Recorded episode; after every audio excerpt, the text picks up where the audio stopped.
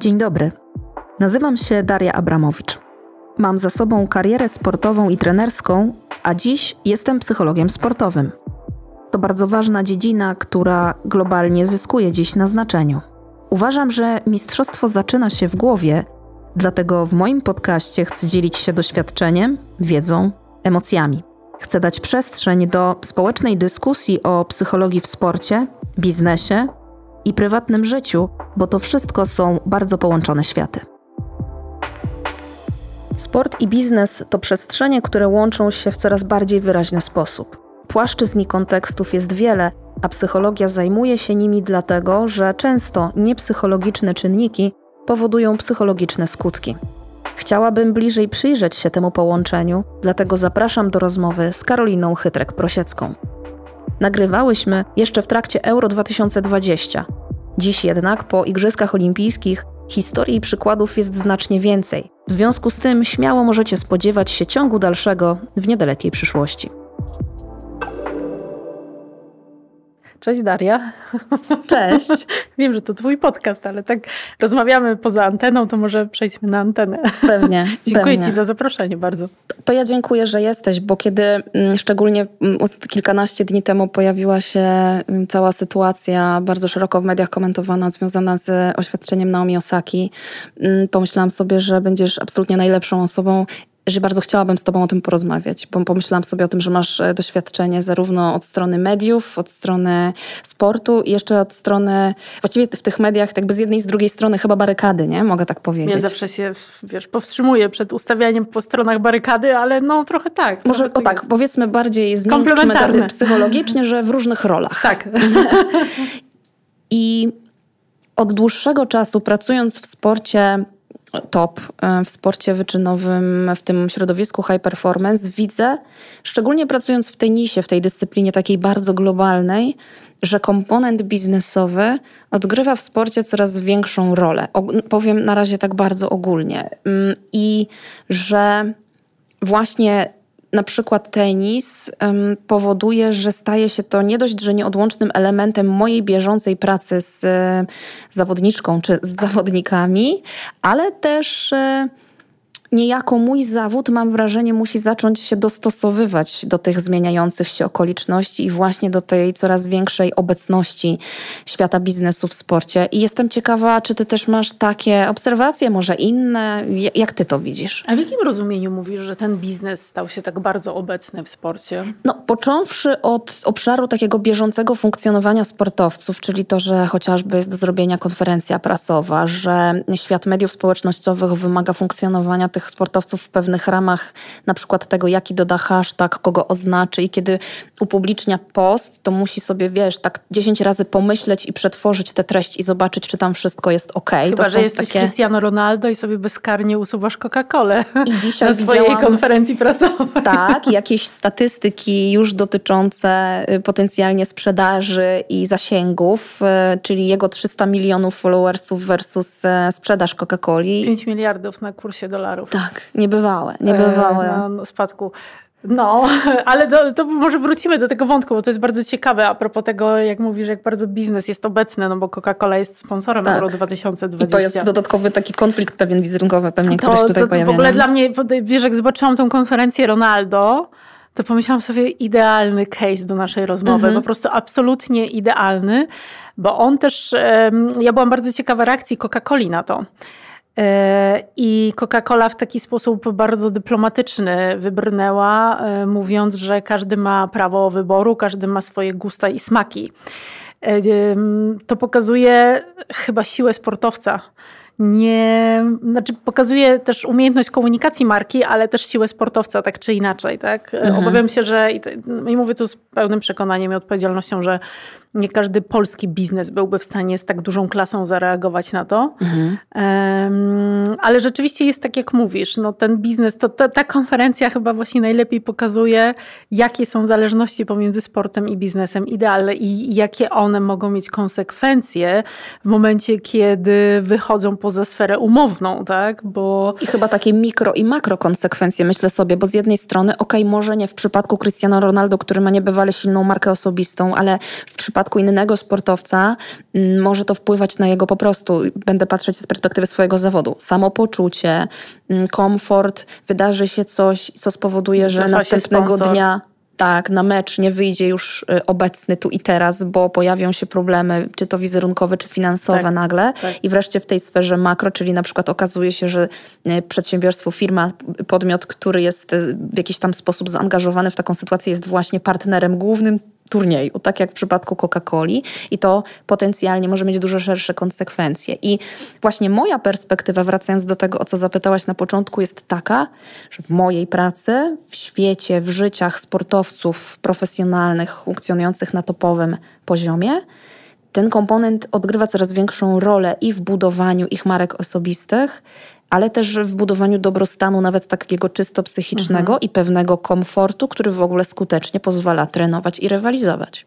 Tak, tak. I nawet pamiętam, że my kiedyś rozpoczęłyśmy tę dyskusję, ale ty byłaś na którymś turnieju jej nie dokończyłyśmy w końcu.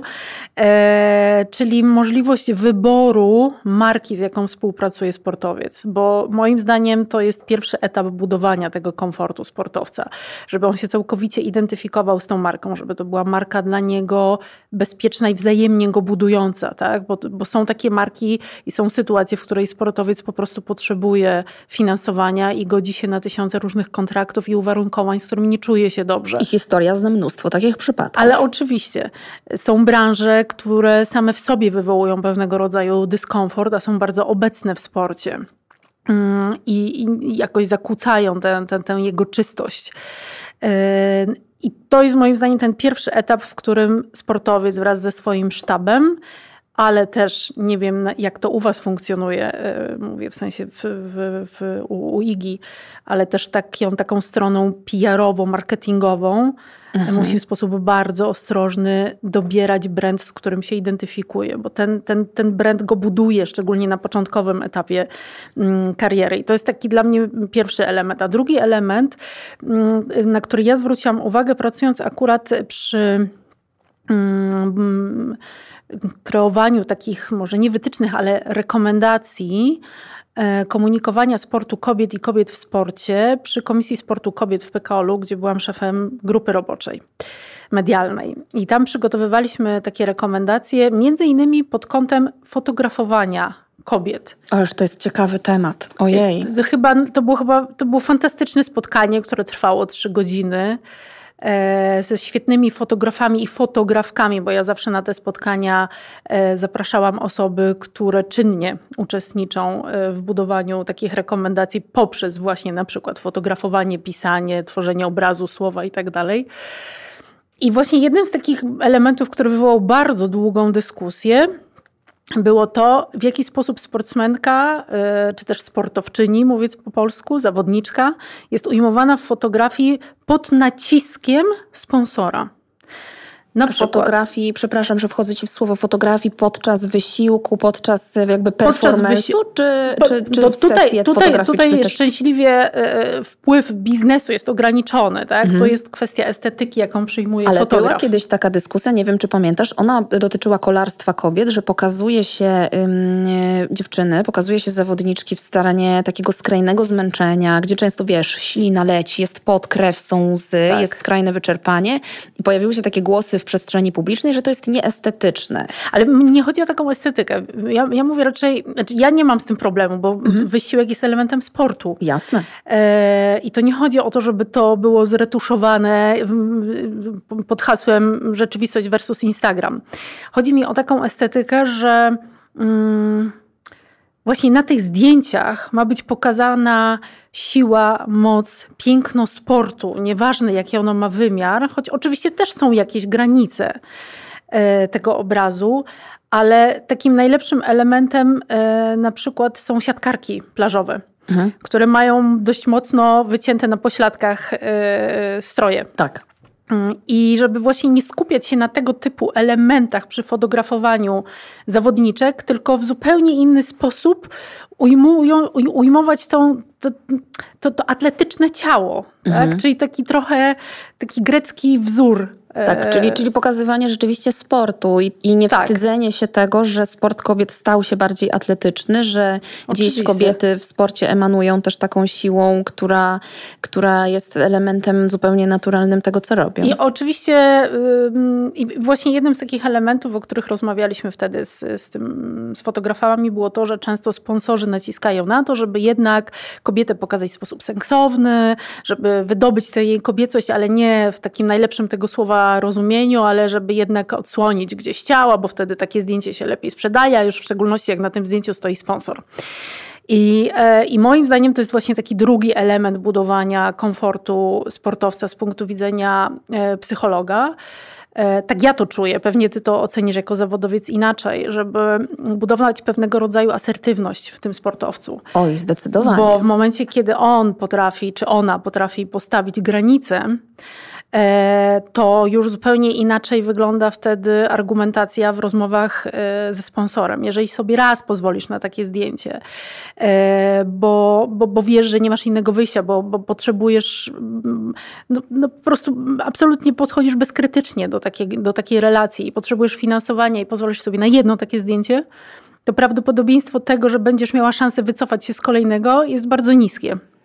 Tutaj powiedziałabym, że dosyć istotny jest w ogóle komponent, yy, czyli przypomnijmy, pierwszy element, sam wybór marek, z którymi identyfikuje się sportowiec i z którymi nawiązuje współpracę. Drugi, czyli właśnie yy, asertywność, yy, ale to też dotyczy budowania relacji, myślę, ze sponsorem. Takie są Absolutnie. też moje doświadczenia pracy Oczywiście. z różnymi sportowcami, czyli uczenie, i to też y, jest element mojej pracy, absolutnie ja to robię, uczenie i budowanie trochę takiej wewnętrznej komunikacji, zewnętrznej też na linii sportowiec czy sztab, sponsorzy czasami. I, I, świadomość tego, jak ważne jest od samego początku budowanie tych relacji w oparciu tak. o taką zdrową, asertywną komunikację, właśnie, z dwóch stron, bo do tanga trzeba dwojga. Jeżeli takie są też moje obserwacje, sportowcy są też otwarci e, na to, żeby w jakiś sposób rozmawiać o różnych pomysłach, na przykład na treść, którą można byłoby dostarczyć w ramach realizacji jakichś świadczeń. To z drugiej strony e, bardzo cenna jest też otwartość i zrozumienie ze strony partnerów takiego sportowca, że na przykład teraz są zawody, więc bardzo trudno jest to zrobić, może zróbmy to nieco później, czyli na przykład pewna elastyczność i tak dalej, i tak dalej. Czyli budowanie relacji i, i, i taka Absolutnie. otwarta komunikacja. Czysto biznesowych relacji, ale jedno jednocześnie bardzo zdrowych relacji. Czyli mamy te dwa elementy, to jest wybór marki, no bo jakby filozofia, którą dana marka wyznaje, to już nawet nie chodzi o to, czy to jest duży brand, czy on jest globalny, czy on jest lokalny.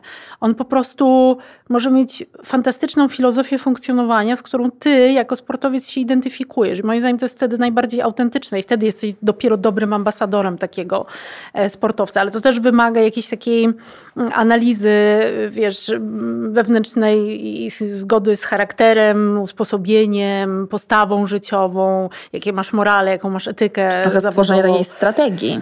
Trochę tak i właśnie do tego zmierzam, czyli to jest ten pierwszy element.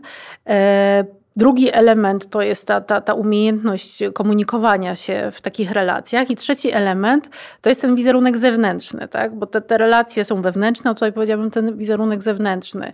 I on musi być e, bardzo jasno nakreślony, moim zdaniem, na samym początku budowania takiej współpracy z biznesem, bo potem już jest za późno, dlatego że wbrew pozorom często interesy sponsora i sportowca są rozbieżne, prawda? I tutaj znowu pozwolę sobie wejść w słowo, to trochę jest never ending story, takie dyskusje mm, i budowanie procesu na linii sztaby szkoleniowe, czy też zawodnik, e, plus i, i po drugiej stronie nieco sztab menedżerski i partnerzy, sponsorzy, tak.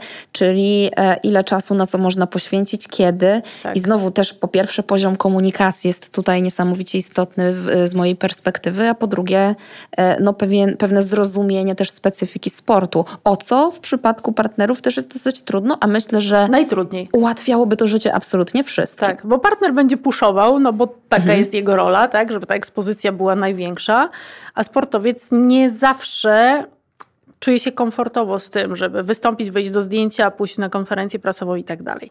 I dlaczego robię taki pomost? Bo czwartym i chyba ostatnim elementem, z takich kluczowych oczywiście moim zdaniem, budowania takiej relacji e, sponsor e, czy też biznes versus zawodnik, zawodniczka, I najtrudniejszym, mam wrażenie, to jest umiejętność trzymania emocji i mądrego doboru słów w momencie porażki. Oj. I to jest chyba najtrudniejsze w tym wszystkim, bo, ale też po obu stronach. Mhm. Bo na przykład, Ale mówisz o komunikacji wewnętrznej czy zewnętrznej? Zewnętrznej. Okay. Chociaż wewnętrznej częściowo też, bo wychodzisz e, z tym logotypem sponsora mhm. po spektakularnej na przykład porażce, ośmieszającej cię porażce. To jest gorsze, bo porażka jest wpisana w sport. Ale taka jakby styl i odbiór społeczny tak, może być różny. Tak. Mhm. No na przykład jak ostatnio mm, jesteśmy po meczach pierwszych e, reprezentacji, tak? Mhm. E, to nie była typowo sportowa porażka. Tak. tak. Ona jest oczywiście wpisana w sport, ale ona nie była klasycznie sportowa. E, tam jakby, ja uważam, że porażka jest wtedy, kiedy wkładasz 100% z siebie, jest pełna rywalizacja i po prostu przegrywasz. Z czymś innym będzie e, też trochę popsychologizuje, czymś innym będzie przegrana, a czymś innym będzie porażka. Tak, tak, tak, dokładnie. Tego mhm. zmierzam. Dobrze, że tutaj jesteś, bo ładnie to ujęłaś w dwóch słowach. Ja już chyba tak mam, że muszę dużo mówić. E, I z jednej strony wychodzisz z tym logotypem tego sponsora, mm, no, któremu w danej chwili nie przynosisz jednak dumy i chwały, a on na to przecież liczył. E, a z drugiej strony jesteś e, ty i być może czasami nawet ten sponsor oczekuje tego, żebyś ty wyszła, bo jemu nawet może nie zależy na tym, jaki jest big picture, ale zależy mu na tym, że ten logotyp się pojawi na przykład we wszystkich stacjach na telewizyjnych na świecie, tak? I on mhm. ma bardzo dużą ekspozycję. Zależy, jaki kto ma cel, to one są bardzo różne. Mhm. A ty jesteś e, sportowcem, który mentalnie siadł i po prostu nie chcesz wejść na tą konferencję prasową, tak? Czy, Co czy... właśnie pojawiło się w kontekście tenisa ostatnio. Właśnie. I to są takie sytuacje, które wymagają moim zdaniem gigantycznego przepracowania. Ja też zresztą doświadczałam tego e, pracując jeszcze w ekstraklasie, gdzie po bardzo spektakularnych, e, nawet nie, nawet nie spektakularnych, powiedziałabym tylko na przykład prestiżowych meczach, takich dwóch zaciętych rywali, piłkarze nie chcieli nawet wychodzić na krótki komentarz dwuzdaniowy. Więcej, kluby nie chciały komunikować tej porażki w mediach społecznościowych. E, I e, wypracowanie czegoś tak, jeszcze jak reprezentujesz i współpracujesz z jednym sportowcem, to jesteś w stanie na to wpłynąć, zbudować mu jakąś strategię, mm, to ty najlepiej wiesz, jak to się robi, ale w momencie, kiedy masz do czynienia z całą instytucją, i, i szeregiem zależności od e, szefa komunikacji poprzez prezesów, trenera, jeszcze drużynę i musisz ich zmusić do tego, że oni muszą A zakomunikować. partnerów wiesz. czy partnerki na przykład, bo media społecznościowe też. są otwartą platformą dla wszystkich. No też niedawno w Ekstraklasie była taka tak. sytuacja, gdzie jeden z piłkarzy miał problemy przez wpisy jego żony w mediach społecznościowych, tak? już tam nie wspominając, który to był klub, ale pewnie fani piłki nożnej wiedzą. E, więc takich sytuacji jest mnóstwo i wydaje mi się, że to są takie cztery etapy mm, albo cztery takie elementy, które przy wchodzeniu do współpracy e, takiego pełnego sztabu wizerunkowego e, sportowca, e, w tym właśnie psychologa, bo to jest element wizerunku, wizerunku to zdrowie, ten mental health, tak ładnie nazywany, E, czy po polsku mental, jak to się mówi. To nie jest po polsku, ja tego określenia no nie dlatego lubię. Się, ja dlatego się śmieję, bo, psychiczna, bo tak, wszyscy jasne. mówią ten mental, mental, mental, mental i to już tak A potem dotarło. mówią też fizyka i o ile mental jeszcze da się przełknąć, to na przygotowanie motoryczne potrafią komentatorzy piłki nożnej na przykład powiedzieć, że ktoś ma świetną fizykę, no i mi się takie atomy w głowie tak, tak pojawiają tak, tak, przed oczami i myślę sobie o tym, że to może niekoniecznie. Mm, ale...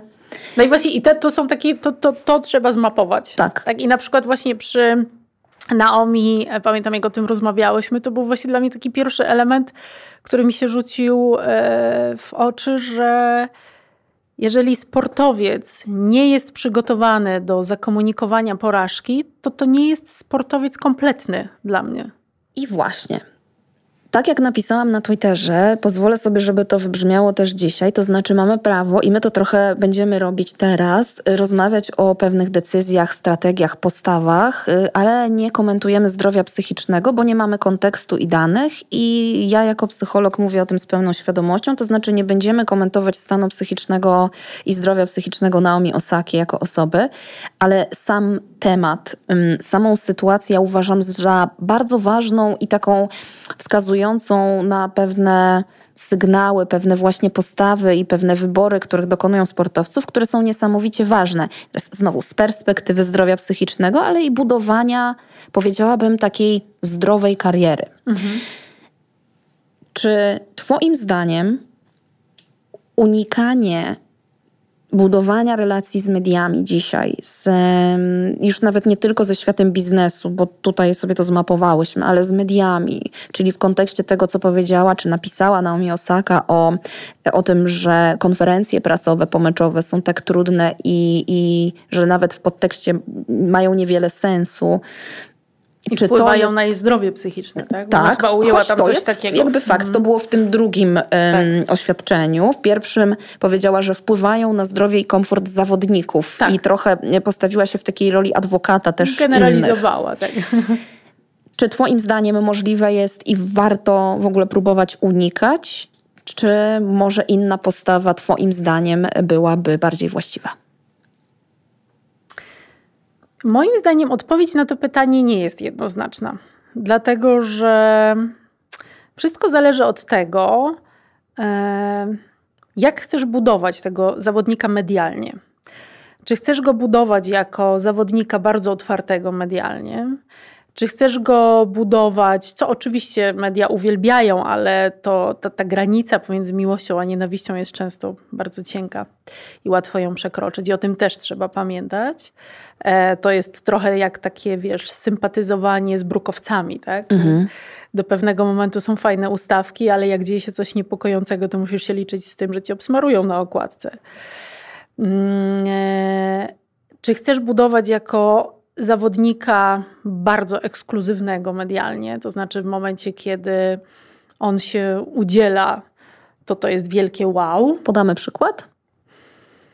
Wiesz co, ja nie śledzę aż tak bardzo karier medialnych zawodników. Powiedziałabym, że na pewno Federer, trzymając się tenisa. Być może. Nie wiem, czy przyszło mi przez myśl, że swego czasu Robert Kubica jeżeli chodzi o nasze media. Nie tak, wiem, co powiesz. Tak, on, rzeczy był, on rzeczywiście był w ograniczonym zakresie dostępny. No jednak mimo wszystko na przykład Lewandowski też tak. wydaje mi się być taką postacią, który bardzo sobie kontroluje tą obecność medialną.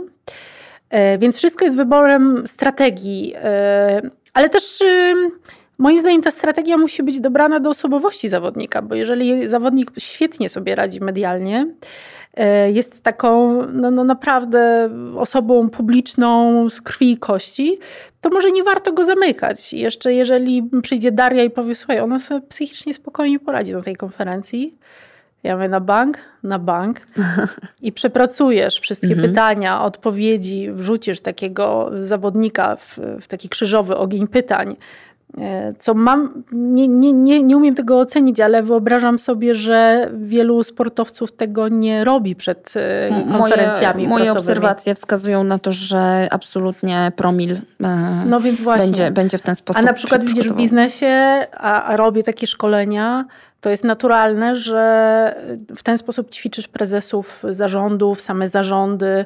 Ja podczas swojego jednego szkolenia miałam sytuację, w której rzeczniczkę prasową, no taką muszę powiedzieć bardzo ostrą we współpracy z mediami osobę niezwykle asertywną, doprowadziłam do łez. E, nie swoją postawą, pytaniami. Mhm których ona się nie spodziewała. Ja myślę, że w wyda... ogóle dla sportowców e, brief, e, czyli takie, wiesz, e, nie wiem jak po polsku Tylko wiesz, brief to jest jedno, tak? Przygotowanie Q&A, na co masz... trudne pytania, tak. które mogą paść. Um, uważam, że to jest w ogóle jedno z podstawowych narzędzi a propos takich tych pomeczowych chociażby konferencji, które powinno być stosowane. Uważam, że warto absolutnie to, to robić. To jest ABC, tak? Tak, ale mam takie obserwacje, że niewielu sportowców absolutnie to robi. Właśnie mam takie wrażenie, mhm. bo to widać często właśnie po zachowaniach na konferencjach prasowych, we wszystkich wszystkich sportach. Na, na, nawet jeśli nie śledzisz tego w taki sposób bardzo dogłębny i profesjonalny, tak jak ty. E, ja akurat ze sportowcami nie współpracuję pod tym kątem. Współpracowałam kiedyś z jednym, była to trudna współpraca. I, i, więc to jest punkt pierwszy. Więc y, to przy, tak jak ty przygotowujesz zawodnika do tego, żeby w tym przypadku wyszedł na kort i czuł się na tym korcie pewnym, to w ten sam sposób człowiek od PR-u i od komunikacji, ktokolwiek jest w sztabie taką osobą, powinien przygotować tego zawodnika do takiego samego wejścia na konferencję prasową. Jak najbardziej. Tak? E, czyli, czyli, nawet przez ta tą... część tej odpowiedzi będzie brzmiała że pod, tym, pod tym względem, że nie unikniesz, że lepiej się przygotować niż unikać. uniknąć moim zdaniem nie ma mowy. Mhm. E, nie w dzisiejszym świecie, bo też musisz pamiętać o tym, że ty, mm, że media cię budują.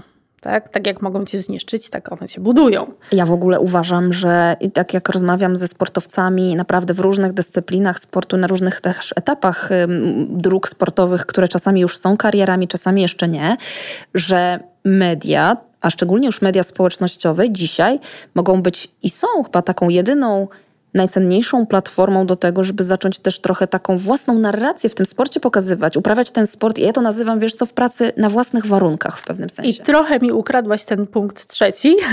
Przepraszam. czyli, czyli mamy ten, ten pierwszy element, czyli budujesz taką postać absolutnie medialną. Punkt drugi, medialnie ekskluzywną. To oczywiście można dojść do takiego etapu, bo w momencie, kiedy stajesz się bardzo rozpoznawalnym, rozchwytywanym i pełnym sukcesów sportowcem, to możesz ograniczyć też tą swoją obecność, tak? Ale możesz już na wstępie zaznaczyć, że taką masz strategię medialną, czy nie, nie ogłaszasz tego, ale tak budujesz tego, tego zawodnika czy, czy, czy zawodniczkę medialnie, że to jest wyczuwalne. E, tak samo jest w polityce, tak samo jest w biznesie, to niczym się nie różni. I to też są dziedziny high performance, nie bez powodu je wymieniamy, tak, abs- tak. tak abstrahując trochę na chwilę no od tak, sportu, no bo, bo my sobie dzisiaj rozmawiamy o sporcie, tak. ale to można absolutnie przenosić też na inne ale dziedziny funkcjonowania. wiesz, to, to, to jest po prostu kwestia poziomu profesjonalizacji.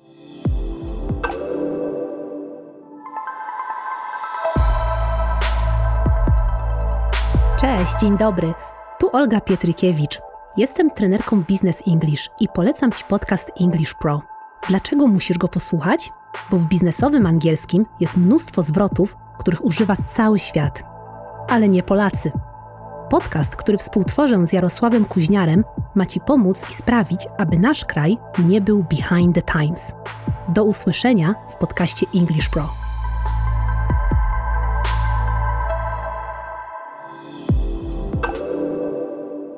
I trzeci element to jest właśnie element, w którym przyjmujesz, że twój zawodnik e, będzie miał taki bardzo bezpośredni na przykład kontakt e, ze swoimi fanami, kibicami, czyli jest w mediach społecznościowych i tam buduje też swoją markę. Choć ja uważam, że uniknięcie mediów tak zwanych tradycyjnych jest absolutnie niemożliwe, nawet chociażby z tego powodu, że twój sponsor oczekuje ekspozycji swojej marki. Na przykład, tak? E, bo e, zasięgi w momencie, kiedy są pokazywane skróty meczowe, choć oczywiście jeśli ta ekspozycja jest dobrze zbudowana, to też ma to znaczenie, rzecz jasna, ale konferencja prasowa pomeczowa z komentarzem do wielkiego sukcesu albo spektakularnej porażki, ma dużo większą oglądalność, tak? bo te wypowiedzi czy zdjęcia zawodnika, one z kortu, z boiska pojawiają się rzadziej przy okazji takiego komentarza niż zdjęcie z konferencji prasowej. Tak? Więc, y, więc wszystko jest kwestią tego, żeby sobie bardzo dobrze zmapować y, potrzeby zawodnika, oczekiwania zawodnika, charakter zawodnika, bo można go wykreować medialnie, ale to jest bardzo specyficzny rodzaj klienta, z którym pracujesz, e, dlatego że w jego przypadku to zdrowie psychiczne i ten komfort, o którym ty mówiłaś, jest priorytetem w stosunku do jego wizerunku medialnego. Więc też nie możesz mu narzucić zbyt wielu rzeczy, tak żeby on się nie czuł z tym komfortowo, bo, bo taki prezes zarządu wyjdzie na jedną konferencję prasową albo, nie wiem, zrobi prezentację wynikową raz na kwartał mm, i to jest koniec i on wraca do zacisza swojego gabinetu.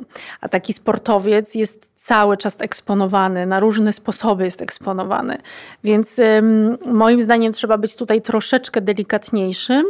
Yy, w, w takim siłowym kreowaniu wizerunku. Choć ja, ja generalnie zawsze pracując z ludźmi, których, których gdzieś tam buduję medialnie, e, od pewnego czasu e, staram się najpierw pobyć z nimi, zobaczyć, jacy oni są naprawdę. Mhm e, i trochę ich obudować, aniżeli budować od początku. Są takie osoby, które są nie do przewalczenia.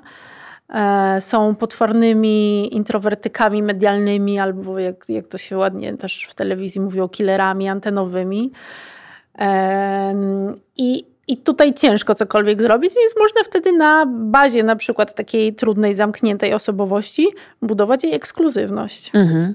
Krótko mówiąc, trochę uszyć to na miarę, mm, tak, tak żeby, żeby było jak najbardziej autentyczne, ale też dawało właśnie trochę większe poczucie Czyli komfortu. Znajdujesz predyspozycje, tak? Tak mhm. jak znajdujesz predyspozycje sportowe zawodnika i rozwijasz deficyty, a te najsilniejsze jednak stają się twoim atutem i tutaj jest dokładnie tak samo. No mhm. chyba, że właśnie jest to zawodnik bardzo zamknięty, no to wtedy nie mówisz, że on jest zamknięty i nie lubi mediów, bo to też źle działa, tylko budujesz jego ekskluzywność. On się pojawia bardzo rzadko, w sposób bardzo wypracowany z drugą stroną. I tutaj znowu się kłania kolejny element, czyli świetna współpraca osoby reprezentującej medialnie e, sportowca, sportowczynię e, z mediami, bo wtedy jesteś, e, jeżeli masz taką wypracowaną, bardzo partnerską relację z mediami, to też jesteś w stanie zarządzić pewnymi problemami, które pojawiają się w przestrzeni publicznej.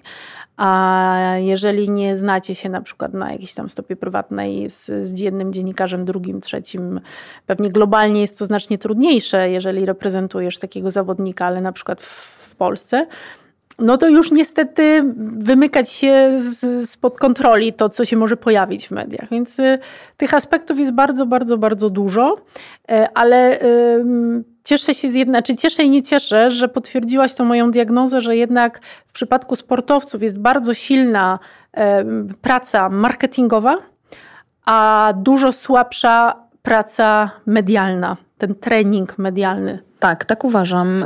I myślę, że to jest też e, takie wdzięczne pole do rozwoju, bo bardzo jest to dziś istotny komponent budowania takiego poczucia pewności siebie sportowca, mhm. bo mój zawód, to, czy jedną z moich ról jest to oczywiście między innymi takim zakresem obowiązków budowanie poczucia pewności siebie, poczucia skuteczności i na tej arenie sportowej rywalizacji, ale także poza boiskiem, basenem, kortem mhm. i tak dalej. I na to poczucie pewności siebie dziś właśnie tym bardziej wtedy, kiedy ten element biznesowo-medialny już odgrywa troszeczkę większą rolę, tych czynników wpływa naprawdę sporo.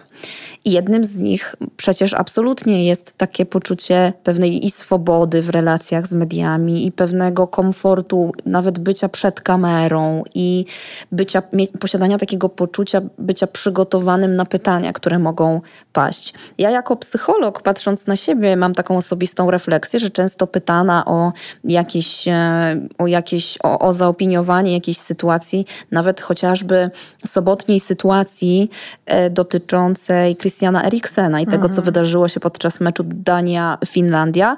Widziałam komentarz jednego z psychologów bardzo ostry, który e, powiedział, że im dłużej przebywa z ludźmi, tym bardziej lubi zwierzęta. Mm, a ja, moja etyka zawodowa jest inna. Ja zmierzam do tego, że ja przygotowana do skomentowania zgodnie z etyką mojego zawodu i moim kompasem takiej sytuacji, też czuję się pewnie i swobodnie. Fakt jest, że już od dobrych paru lat y, komentuję i, i jestem po prostu dosyć swobodna, ale kiedy nie byłabym przygotowana, mhm. to z tyłu głowy miałabym, że jakaś emocja, czy e, może słowo użyte w nieco niewłaściwym kontekście może bardzo mocno naruszyć e, no i w pewnym sensie opinią publiczną na ten temat. I standardy. I, standardy mhm. i, i moją pieczołowicie budowaną przeze mnie też w jakiś sposób markę zawodową. Ale właśnie wiesz co, to jest fajne, że jeżeli budujesz y, młodego sportowca y, i masz trochę taką tabula razę, y, to jesteś w stanie to wypracować od zera tak? ale znacznie gorzej jest w momencie, kiedy przejmujesz takiego zawodnika mhm. E, i musisz go odpowiednio ukierunkować e, medialnie. To moim zdaniem to jest bardzo trudne. I jeszcze jeden element tutaj się pojawia, e, bo to, o czym mówiłaś, czyli zachowanie przed kamerą, nie wiem, tembr głosu, umiejętność budowania szybkiego odpowiedzi, tak żeby nikt nie wyczuł tej ciszy, na przykład na konferencji prasowej, albo właśnie, żeby ją wyczuł z jakichś powodów, mhm. czyli takie umiejętność zarządzania, tym, zarządzania tymi emocjami podczas wystąpienia publicznego. To wszystko, tego wszystkiego da się nauczyć. Moim zdaniem najwięcej błędów jest popełnianych przez postaci e, rozpoznawalne medialnie w mediach społecznościowych. Mhm. Bo tam nie czuć tej presji i nie czuć tej, tej, tego stempla, że to jest medium. Oni mają jakieś takie poczucie prywatności tam, tak? A nie masz I myślą wrażenia, sobie, że, że często- można im więcej. A nie masz wrażenia, że często też jest tak, że rok czy dwa lata wcześniej, kiedy zasięgi były mniejsze i sportowiec nie był tak jeszcze postacią rozpoznawalną, to było bardziej prywatne medium może, a po prostu wraz ze zmieniającą się i rozwijającą karierą waga tego, co publikowane jest w mediach społecznościowych się zmienia i sportowcy nie zawsze to wyłapują? No tak, tak, tak, tak. Właśnie o to chodzi, że Mhm. oni w pewnym momencie się gubią w tym procesie transformacji, swojej transformacji medialnej. Mhm. E, I cały czas czują się bardzo prywatnymi osobami, ale myślę, że oczywiście już jeżeli mówimy o top sportowcach, to oni to rozumieją, bo zazwyczaj oni nie prowadzą sami tych kont, tak? Tylko ktoś tym Ale zarządza. powiem Ci, że jest taka tendencja, że, że sportowcy wracają, szczególnie na Instagramie, do prowadzenia kont instagramowych osobiście, ewentualnie przy takim podczujnym okiem specjalistów, właśnie, bo, bo tak. chcą mieć poczu- poczucie kontroli trochę nad tym i autentyczności. Tak. Wiesz, jest, taki, jest taka tendencja od jakiegoś czasu. I to, jest, I to jest bardzo fajne. Poza tym rzeczywiście mogą uchylić tego rąbka swojej prywatności, jeśli to się wpisuje w budowanie ich marki znowu. Tak. E, bo bo nie, nie oszukujmy się, oni sami są towarem em, albo nośnikiem określonych marek. Więc to, to jest fajny, y, fajny kierunek i fajny trend, aczkolwiek uważam, że żaden z nich nie robi tego bez kontroli. Mhm. E, Mam, e, na, nawet jeśli się to obserwuje, mm, estetykę tej komunikacji e, i, i, i nawet jeśli to są to nie wiem, zdjęcia robione z ręki, selfie, to, to moim zdaniem ono przechodzi przez kolejnych parę rąk, zanim trafi na te. Przynajmniej moim zdaniem tak wyglądałoby to profesjonalnie. To znaczy, nie wiem, ja jestem sportowcem, mówię, słuchajcie, chciałbym rzucić to i to, nie wiem, Lewandowski leżący z pucharem, tak? Mm, W łóżku. E, To, to nie jest tak, że on siedzi na łóżku i wrzuca to zdjęcie. Nie, nie wyobrażam Od sobie, żeby momentu tak to pojawienia się pomysłu na publikację do samej publikacji to mija jest trochę proces, więcej czasu. Ale jest oczywiście, proces. ale Mhm. oczywiście. I naturalnie. E, Są Ale momenty... powiedzmy, że to jest jakby zupełnie okej. To nie jest... y, A nie, absolutnie. Nie tym, bo, bo może, Tyl- żeby tylko wybrzmiało to naszych słuchaczy, Nie, że nie, to jest nie. zupełnie w porządku To jest podejście. zupełnie w porządku, tylko znowu to wymaga y, wypracowania, jakby wytłumaczenia y, danej osobie, jakie mogą być konsekwencje błędów, Tak. e, jeżeli rzeczywiście chce sama zarządzać tym kontem. E, Niestety są też sytuacje, w których wygrywają używki Mhm. i wtedy media społecznościowe w rękach takiego zawodnika są poza kontrolą. I takie historie też się przecież zdarzały. Tak. E, Więc wydaje mi się, że to wymaga ogromnego zaufania, i w momencie, kiedy nie masz takiego zaufania do zawodnika w obszarze budowania, czy zawodniczki w obszarze budowania mm, e, swojego wizerunku, to ja bym nigdy nie oddała takiego konta. Za każdym razem zmieniałabym hasło. I są oczywiście postacie trudne, e, które sobie na to nie pozwalają, bo znam też takie z którym jest bardzo trudno wytłumaczyć, na czym polega budowanie ich wizerunku. Dla nich na przykład liczy się tylko zarobek, tak? E, Wizerunek nie jest wartością samą w sobie, mm, nie mają z tym związanych żadnych emocji, liczy się tylko cash. To już jest nie do przejścia często.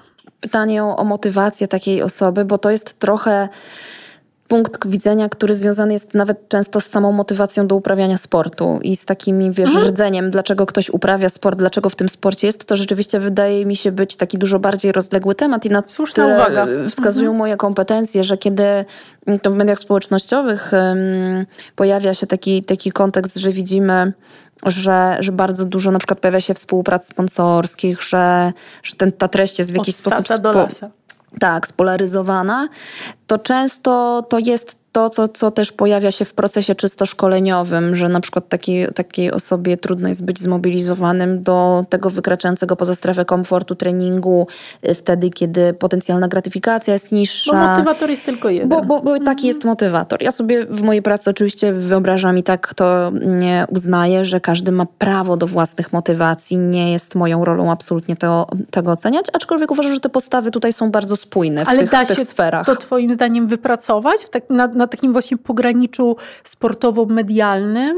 To znaczy troszeczkę przekierować takiego zawodnika czy zawodniczkę na nieco inne myślenie o, o tym celu, Tak. którego jest w tej, a nie innej branży? Uważam, że jest to zadanie bardzo trudne. Uważam też, że jeżeli mówimy tu o kompetencjach psychologów w sporcie, to jeszcze niewielu psychologów e, ma na tyle szerokie horyzonty i takie szerokie kompetencje, że jest w stanie to, mówiąc kolokwialnie, ogarnąć.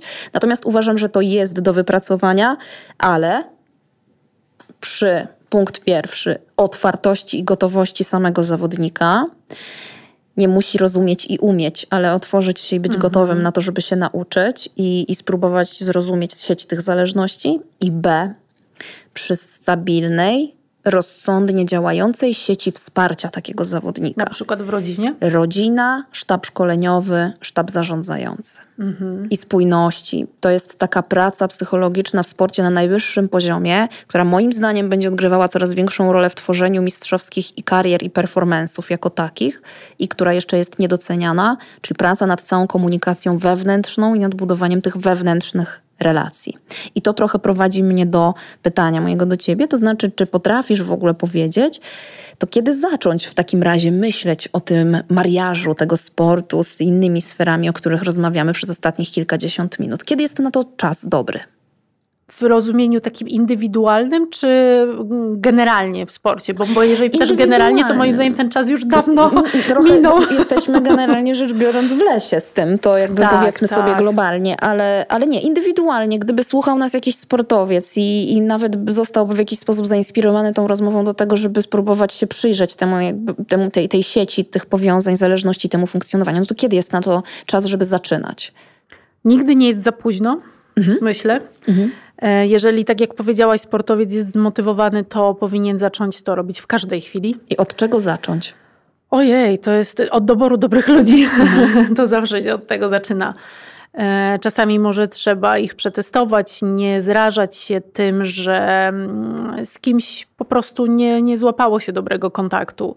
E, Bo wydaje mi się, że i to ty znacznie lepiej wiesz y, niż ja. y, Sztab, szeroko pojęty sztab y, ludzi współpracujących ze sportowcem, to jest trochę właśnie jak taki psycholog na leżance. On, mu- musisz po prostu mu ufać, musisz się dobrze z nim czuć. I mm, tak samo jest w, w kwestiach medialnych. Nigdy nie będzie dobrej komunikacji w momencie, kiedy y, nie masz wzajemnie zaufania do siebie. Nieważne, czy to jest prezes rzecznik, czy to jest, nie wiem, szef instytucji publicznej rzecznik, czy to jest sportowiec i jego szef komunikacji, czy osoba odpowiedzialna za PR, obojętne. Więc mu- musisz absolutnie ufać takiej osobie, bo, bo, bo jeżeli nie zaufasz, to nie przekroczycie tych granic, o których my tutaj mówimy, prawda? Bo cały czas będziesz podważał te decyzje jako zawodnik. I też, wiesz, bo, ty, bo być może nie, nie będą nas słuchali topowi sportowcy, ale też być może początkujący sportowcy. Stąd moje pytanie właśnie. E, Ja bym radziła jedną e, rzecz, e, i to wynika z moich doświadczeń, e, żeby czasami kierować się intuicją w relacjach z takimi osobami.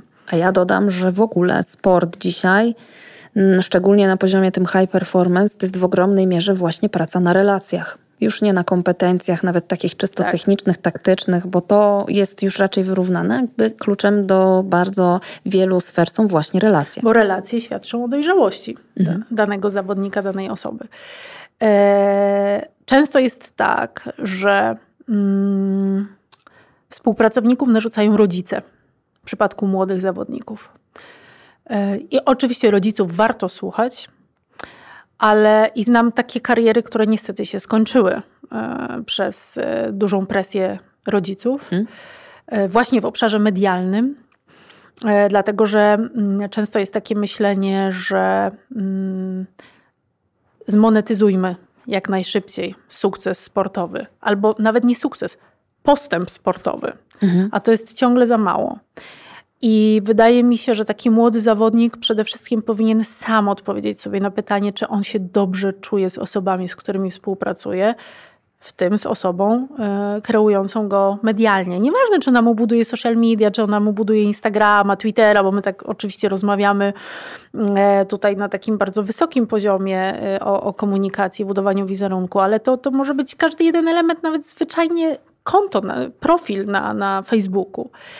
E, Podpatrywać e, najlepszych jak O. to robią. Niech to wybrzmi też, E, jasne. To jest szalenie istotne. Tylko znowu, kim jest dla ciebie ten autorytet? A Karolina, a ty możesz powiedzieć jakieś przykłady? Mm, To pewnie takie pytanie, które możecie zaskoczy teraz, ale jesteśmy w stanie przywołać Mhm. jakieś przykłady nawet właśnie sportowców, którzy dobrze to robią? No ja uważam, że absolutnie mm, fenomenalnie budują się medialnie jako marka y, Robert Lewandowski. Uważam super. Mhm. Mm, Ania Lewandowska już moim zdaniem często przekracza takie granice, które być może w jej strategii em, są sensowne, żeby je przekraczać. Często padają takie zarzuty, że mm, jakby jej rzeczywistość jest nieco oderwana od rzeczywistości jej fanek. Mhm. Tak? Bo jest osobą zamożną i, i czasami mm, jakby w sposób mało realistyczny podchodzi do pewnych problemów. Ale może to jest tylko margines. Mhm. E, Uważam, że Robert Lewandowski buduje to fenomenalnie e, swoją osobowością, Mhm. e, swoją skromnością. To jest postawa dla mnie nieprawdopodobna. Ten, ten, ten sam, tak samo widzę, choć oczywiście nie jestem od tego specjalistą, ale mm, na ile potrafię ocenić medialnie daną osobę, to samo widzę u Ronaldo, który może być obwieszony złotymi e, zegarkami, ale on jest dla mnie pokornym sportowcem medialnie e, czy też może wizerunkowo. Ym, Więc to są takie y, dwie osoby, które mi na pewno przychodzą do głowy jako pierwsze.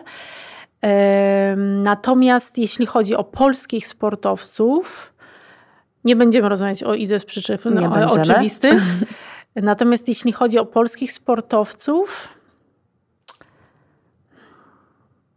ciężko jest mi Mhm. w sumie teraz kogoś takiego przytoczyć.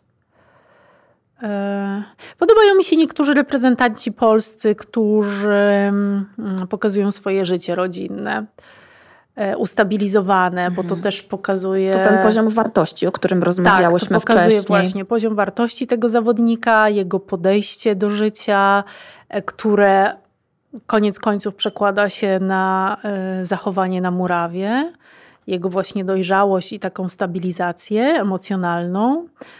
E, Ale ciężko jest mi, powiem Ci, zaskoczyłaś mnie. Pe- Pewnie jakbym sobie poszperała po kontach, które śledzę, to, to odkryłabym parę takich dobrych wizerunkowych postaci.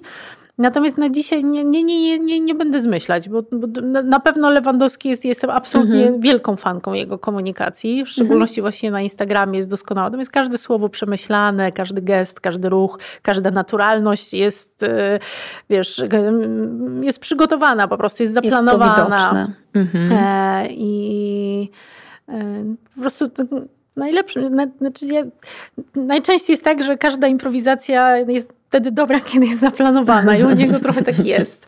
E, Poza oczywiście jakąś tam, nie wiem, fotką z murawy w, w momencie jakiejś tam ekstremalnej euforii, to, to, to, to jest zupełnie inna historia. Jasne. I, I tyle. Nie, nie umiem Mhm. teraz przytoczyć Jasne. takich zawodników. E, Last but not least, bo powoli kończy A ty widzisz taką czas. zawodniczkę albo zawodnika? Wiesz co, ja bym, ja bym dodała Mikaelę Schifrin, moją ulubioną, Mhm. na pewno. Szczególnie y, bardzo, po bardzo trudnym momencie, bo po śmierci ojca, ale stworzenie funduszu, fundacji we współpracy z US Ski and Snowboard Team, komunikowanie tego i to jakby, jak bardzo ona łączy naturalność i swoje wartości z właśnie taką stabilną komunikacją i właśnie z tym uprawianiem sportu na własnych warunkach, to bardzo cenię. Lindsey Vonn, która też, to też jest amerykańska narciarka, już w tej chwili nie jeżdżąca, ale też e, z kolei mi się zawsze podobało, jak nienachalnie eksponowała swoich partnerów, jednocześnie pokazywała świat czysto treningu i, i, i, mm, i tego, w jaki sposób e, funkcjonuje dzień za dniem. To Tom na pewno, Brady. Tom Brady zdecydowanie. Świetne. Zdecydowanie też, To- tak. to jest też I też łączenie trochę życia wartości. rodzinnego właśnie z tym, jak I trochę też sport. ogrywanie tego elementu wieku, tak, który jest Tak. trudny w jego karierze sportowej. tak. Bardzo fajnie Tak. wybrzmiewa moim zdaniem w, e, medialnie. No Mam- jest parę takich. Tak.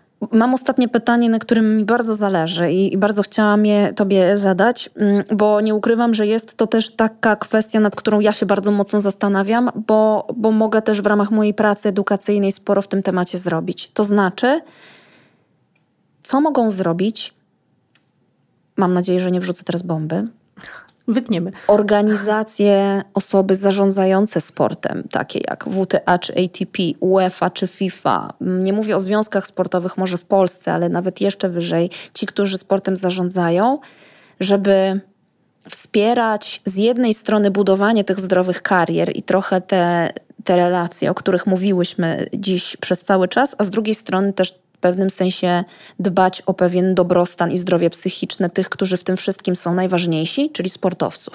Moim zdaniem mogą zrobić najwięcej. Dlatego dobrze, że wróciłaś do tego elementu związku sportowego, e, bo mm, na poziomie organizacji na najwyższym poziomie organizacyjnym powstaje bardzo dużo rekomendacji. Rekomendacji, które ja z moich obserwacji i analiz wynika, potem kompletnie nie są implementowane, a nawet jak są zaimplementowane, to nie są e, przestrzegane e, we wszystkich obszarach.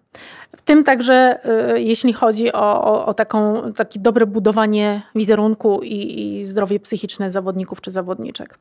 Więc absolutnie uważam, że mogą, muszą zrobić jak najwięcej, żeby to egzekwować. To nie jest łatwe. Ale na tym chyba polega to wezwanie, żeby ten element wizerunkowo-psychologiczny, ten element mentalny był tak samo egzekwowany jak każdy inny w budowaniu danej dyscypliny sportowej. Y, nie wiem, jak to wygląda w tenisie. Czy mm, są jakieś zasady, które są egzekwowane? Nie są. Ale mówisz o zasadach dotyczących chociażby tych konferencji i tak dalej, i tak, tak dalej. Wiesz co, zasady Poza są takie... Poza takimi technicznymi, bo techniczne to jest odrębna kwestia. Po meczu, e, czy to wygranym, czy przegranym, kiedy zawodnik schodzi z kortu, może dam trochę insightu, czeka osoba e, z tabletem, tudzież notatkami i mówi, mamy media, masz to, to, to i to, o której godzinie. Ale to jest techniczne. To element, jest techniczne. Tak? I, I później po prostu ten, że sportowiec, zawodnik ustala sobie trochę sam ze sobą, kiedy będzie mu najwygodniej, czy przed regeneracją, czy po jedzeniu i tak dalej. No tą przestrzeń trzeba mu zostawić. I robi sobie te media. Mhm. Mm, zasady są właśnie takie, że, że ci, którzy Mm, są bardziej i rozpoznawalni i bardziej przyjmują na siebie rolę takich twarzy tenisa, czy przykładowo nawet Iga po wygraniu Roland Garros oczywiście w ubiegłym roku ma tych mediów więcej niż miała wcześniej, e, robią właśnie tego więcej i są proszeni o to częściej. Mhm. Mm. A czy mają to jako wpisane w kontraktach jako obowiązek? Niejako tak. Właśnie mhm. to, jest, to jest to, co wynika, z czego wynikała kara dla Naomi Osaki finansowa za odmówienie wzięcia udziału no w konferencji prasowej. Jest to obwarowane regulaminami WTA, ITP czy też ITF, czyli Międzynarodowej Federacji Tenisowej. Nie ma tych rzeczy wielu, ale między innymi ten obowiązek realizowania tych świadczeń medialnych rzeczywiście jest wpisany w regulamin. I dlatego ja myślę, że wypracowanie dobrych rekomendacji współpracy, e, bo jeżeli one się pojawią na bardzo wysokim poziomie i będą egzekwowane, to one siłą rzeczy potem spłyną do związków, tak? czyli do tych, a potem do klubów i do tych najniższych poziomów budowania e, zawodnika, zawodniczki, klubu, obojętnie. Więc wydaje mi się, że niestety ten element egzekucji jest tutaj niezbędny, a nie tylko rekomendacje. Rekomendacje są dla mnie zbyt miękkie Absolutnie. Nawet mm, kiedy tworzyłyśmy te rekomendacje komunikowania sportu kobiet i kobiet w sporcie na poziomie PKOL-u, okazało się nagle, jak ja zaczęłam czytać dokumenty źródłowe, że tych rekomendacji jest multum, ale one nigdy, albo przynajmniej jeśli chodzi o, o, o polskie y, pole, nie zostały wypracowane bezpośrednio y, z mediami w taki sposób bardzo sztywny. Y, myślę, że to jest kolejne pole i kolejny obszar do zagospodarowania. To znaczy, zawsze można usiąść z dziennikarzami, zapytać, jakie oni mają potrzeby, odpowiedzieć na ich potrzeby, zaproponować konkretne rozwiązania, a potem je egzekwować w jakiś sposób. Ja wiem, że to być może brzmi mało sympatycznie i mało y, relacyjnie, jak rozmawiałyśmy o tym, ale moim zdaniem bez tego się nie obejdzie. Nie ma takiej możliwości. To jest bardzo spójne z tym, w jaki sposób ja to postrzegam, znowu z perspektywy budowania tych relacji, bo myślę, że w tej postawie, o której powiedziałaś, jest absolutnie miejsce na właśnie pewną asertywność, na takie wyrażanie tych potrzeb i oczekiwań, Oczywiście. które jakby nie narusza przestrzeni drugiej Oczywiście. strony. I tutaj jest jeszcze jeden element, bo przecież z każdą taką organizacją, federacją, związkiem, komitetem, jakkolwiek tego nie nazwiemy, są związani sponsorzy. I to też e, jest element nacisku. E, bo w momencie, kiedy dany sponsor będzie komunikował określone oczekiwania związane właśnie na przykład z komunikacją nie wiem, piłki nożnej kobiet, mhm. wyłoży na to określone środki finansowe, to te oczekiwania muszą być spełnione. Jak najbardziej. E, I pewnie to jest niepopularne, co mówię, ale uważam, że nie ma dzisiaj innej drogi. Jeżeli nie da się tego zrobić miękko, mm, to należy to zrobić w drodze takich, powiedziałabym, bardzo zaawansowanych negocjacji mhm. pomiędzy tymi stronami. E, I plus na przykład mm, właśnie taki element egzekucji. Trudno jest mi powiedzieć jaki, bo nie znam się na tyle na, na rozwiązaniach, które mogłyby być zaimplementowane, wdrożone e, w sporcie, ale to jest coś, co co siłą rzeczy musiałoby być wprowadzone, żeby, żeby dobrze budować tych zawodników czy zawodniczki. Nie, nie widzę innych możliwości. I właśnie w konsekwencji już. Plus e, oczywiście, przepraszam, jeszcze jeden tak. element, to są szkolenia. Tego mi bardzo brakuje żeby e, szkolić zawodników, zawodniczki właśnie na e, poziomach, na takim poziomie zinstytucjonalizowanym żeby sztaby szkolić pod tym Oj, kątem. zdecydowanie. Mhm. I wydaje mi się, że taka praca edukacyjna powinna być y, wdrożona. Ja wiem, że są podmioty indywidualne, które to robią. To są czasami właśnie jakieś związki sportowe, to są czasami federacje pojedyncze. Nie kojarzę tego na najwyższym poziomie organizacyjnym. Y, I być może to jest ten, ten, ten trzeci element, choć nie chcę, wiesz, tutaj wypowiadać się z poziomu eksperckiego i pouczać UEFA czy, czy e, komitety olimpijskie, co mają robić, mhm. ale jeżeli ktoś mi zapytałby mnie o zdanie, a pytasz mnie o zdanie, to mhm. uważam, że to są te elementy. Rekomendacje za mało, mhm. oczekiwania za mało, mhm. czyli raczej zasady, egzekucja tych zasad, plus bardzo dobrze opracowany, wdrożony i znowu egzekwowany program edukacyjny, i oczywiście w zakresie zidentyfikowanych tych deficytów e, dla sztabów i dla samych sportowców. I to są takie trzy elementy. Co w pewnym sensie i tak rozbija się o budowanie świadomości, o mówienie o tym, o pokazywanie różnych odcieni tego, że to są dzisiaj naczynia połączone, mm, czyli, czyli trening, czyli regeneracja, czyli e, wszystkie aspekty dotyczące mm, czysto przygotowania nawet mentalnego z funkcjonowaniem poza tą areną treningu czy sportowej tak. rywalizacji, tak. budowaniem siebie. Mm, myślę, że, że właśnie świadomość, świadomość, świadomość. Wiesz, gdzie to, to, bo to jest, bo profesjonalny zawodnik, niego będzie stać na to, żeby sobie zatrudnić profesjonalistów. Ale najpierw musi Ale... wiedzieć, że to jest ważne.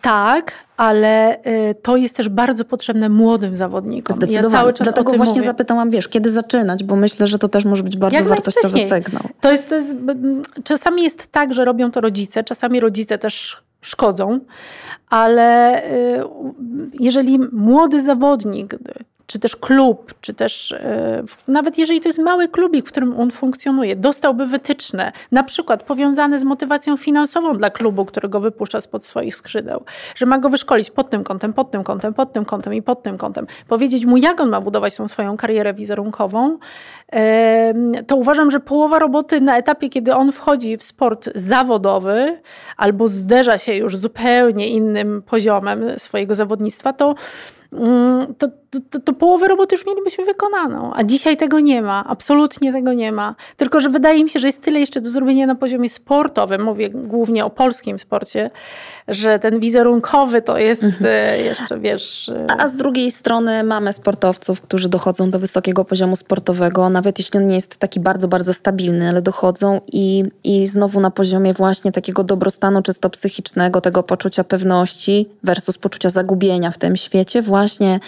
nawet świadomość i, i zrozumienie pewnych mechanizmów związanych z tym, o czym mówimy dzisiaj, już robi naprawdę sporo.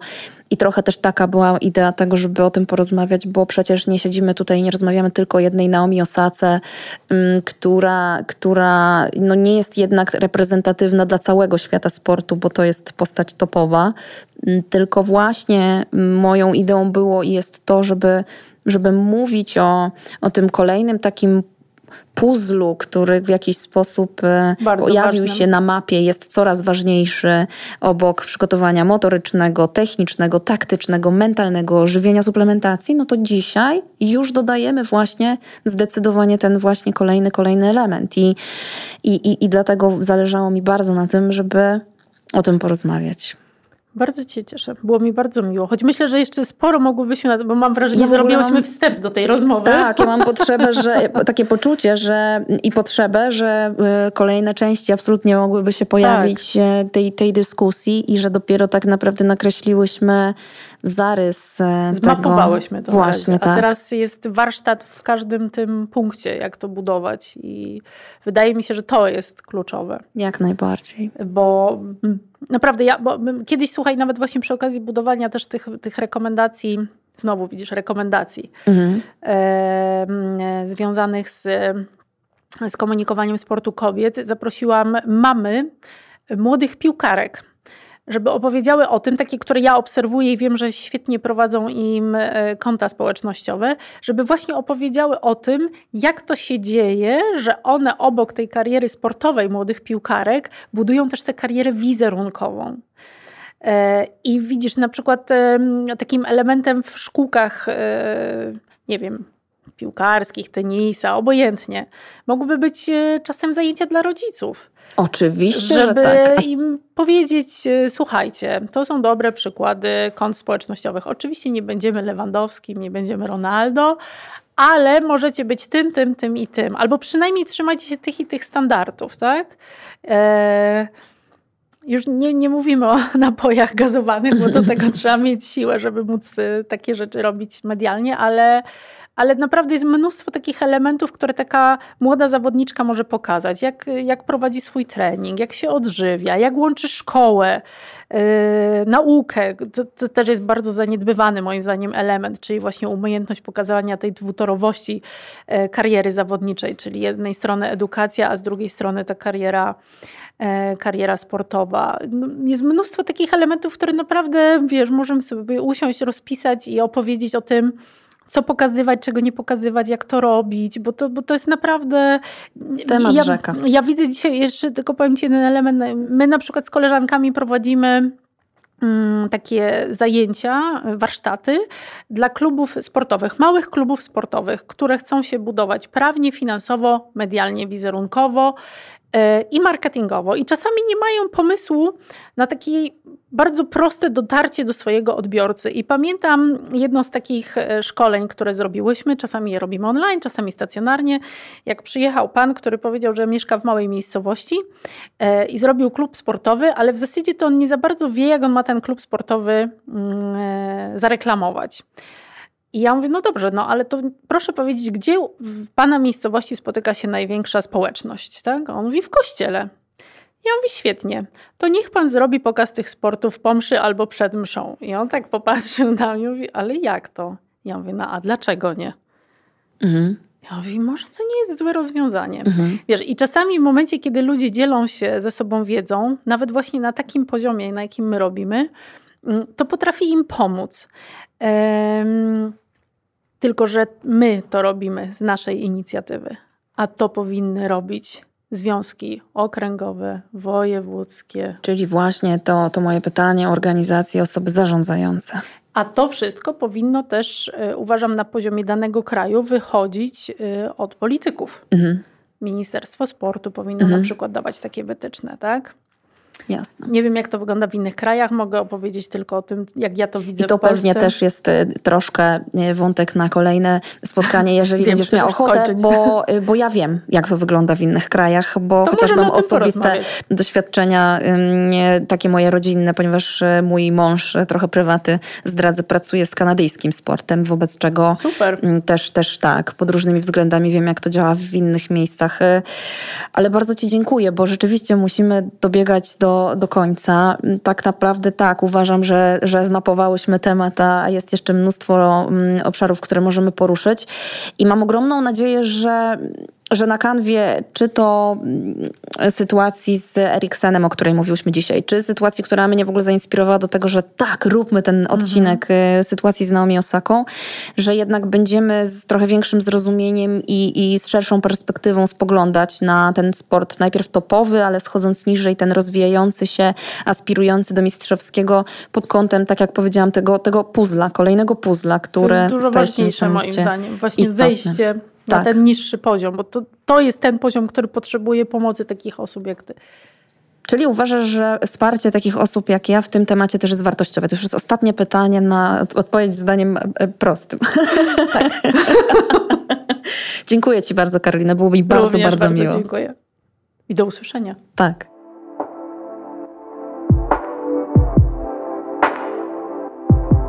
Dziękuję za Twoją uwagę. Zasubskrybuj mój podcast i oceń jego treść. Znajdziesz mnie na każdej platformie podcastowej i na każdym kanale social mediowym.